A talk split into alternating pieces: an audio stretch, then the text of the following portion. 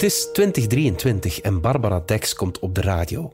Wat vraagt de interviewer haar? Inderdaad, vertel nog eens over de verkeerde jurk die je droeg op het Songfestival intussen 30, 30 jaar geleden. Nele van den Broek luistert ernaar en kan een hoop krachttermen met F, U, C en K nauwelijks onderdrukken.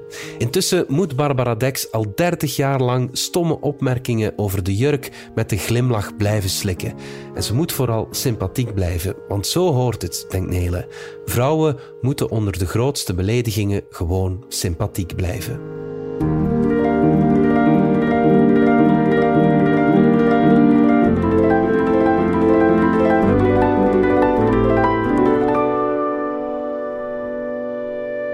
Half uur in de auto en ik ben nu al slechtgezind.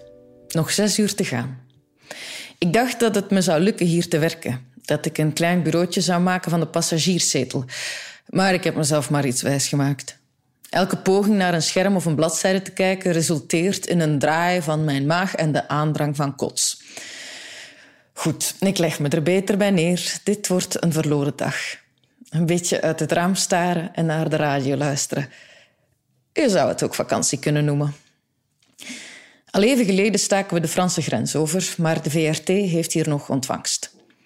Ik hoor een interview met de altijd ravissante Barbara Dex over de jurk die ze in 1993 op het Eurovisie Songfestival droeg. Wacht, wat? Dat is dertig jaar geleden. Vallen ze die vrouw daar nu nog altijd mee lastig? Dex vermeldt terloops dat het tegenwoordig erg goed met haar gaat dat ze deze maand een nieuwe plaat uitbracht. Weet u welk nummer na het interview wordt gedraaid? Maria, Maria, ik hou van jou. Met andere woorden, zelfs wanneer een artiest de moeite doet om een lang interview te geven over wat misschien niet haar favoriete onderwerp is, vertikt het playlistcomité het om ook maar één keer een nummer uit de laatste plaat van die artiest te spelen. Kom aan, jongens. Jullie kennen toch beter dan dit? In het interview relativeert Dex het allemaal. Ja, wat kan ze anders doen? Dat het even pijn deed, hoor ik haar zeggen, maar dat ze er al snel mee kon lachen. Ze zegt het op de toon van een doorwinterde professional. Iemand die tegen wil en dank heeft moeten leren er gracieus mee om te gaan. Iemand die een moeilijke afweging heeft moeten maken. Oh nee, zal ze gedacht hebben. Willen die onnozelaars nu weer een gesprek over die motherfucking jurk, terwijl ik ze vorige week nog mijn plaats ging aanbieden en de poortwachters van de playlist weigerden ook maar één nummer in C-rotatie te zetten? Ze zal even diep in en uit hebben geademd. Goed dan, zal ze tegen zichzelf gezegd hebben. Elke reclame is goed reclame. Je kan het zo nog even hebben over de nieuwe plaat en dat verkoopt misschien nog wat extra kaartjes voor het volgende concert. Drie decennia geleden heeft Dex ons land vertegenwoordigd in een stresscircus dat ik niemand toewens. Zoveel jaren later wordt ze nog steeds niet met rust gelaten over de vestimentaire keuze die ze die avond maakte. Denk hier nu eens twee keer over na.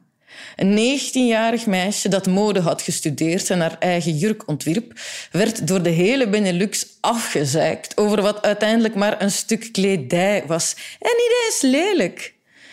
Als H&M morgen beslist de Dex Collection uit te brengen, die jurk is in een mum van tijd uitverkocht. Vrouw zijn in de jaren negentig. Het was een droevig lot. Pas nu komt er een klein beetje bewustwording over de ronduit gemene manier waarop we sommige vrouwelijke beroemdheden behandelden. Justin Timberlake heeft zich bij Britney Spears verontschuldigd. Wat mij betreft mag er een lange rij mediafiguren zich gaan verontschuldigen bij Barbara Dex.